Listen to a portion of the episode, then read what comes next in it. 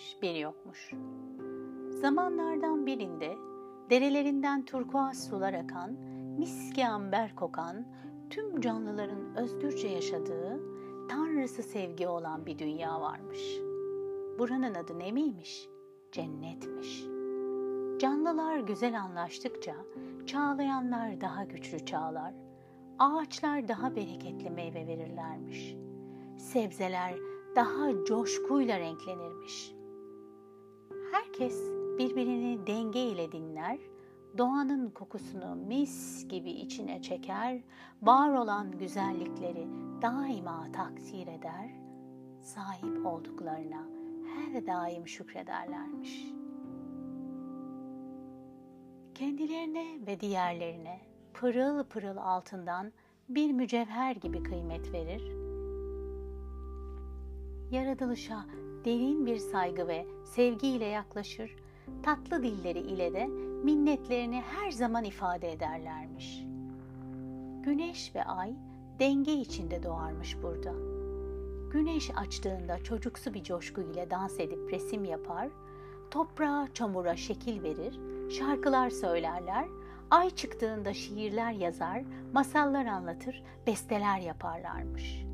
Güneş yumuşacık bir turuncu, ay ise morumsu bir lacivert olan gökyüzünde pırıl pırıl yıldızları ile kar tanesi gibi bembeyazmış.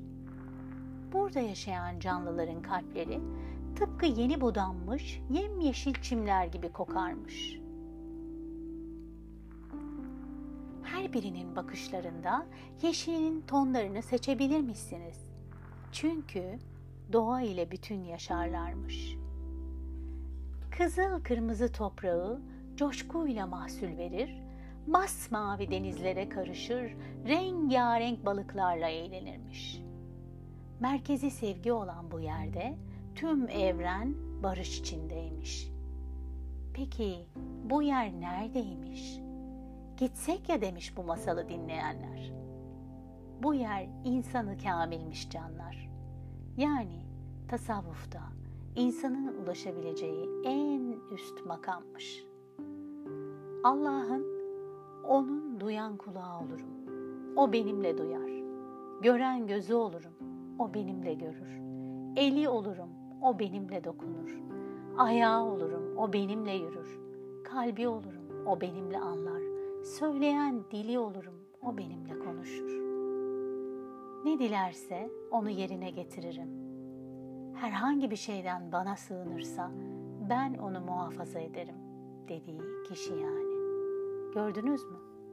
Masaldaki dünyayı yaşamak hiç de uzak bir ihtimal değil. Size tüm varlığı ile dengede, ilahi akışa teslim bir insanı anlattım aslında. Ve o renkler de yaşadığınız sürece sizde var olan, işlevleri ise aynen masalda bahsedildiği gibi olan çakralarınıza ait. Artık bildiğinize göre haydi harekete geçelim. Elimizdekilerin kıymeti üzerine biraz daha düşünelim. Deyin bakalım şimdi.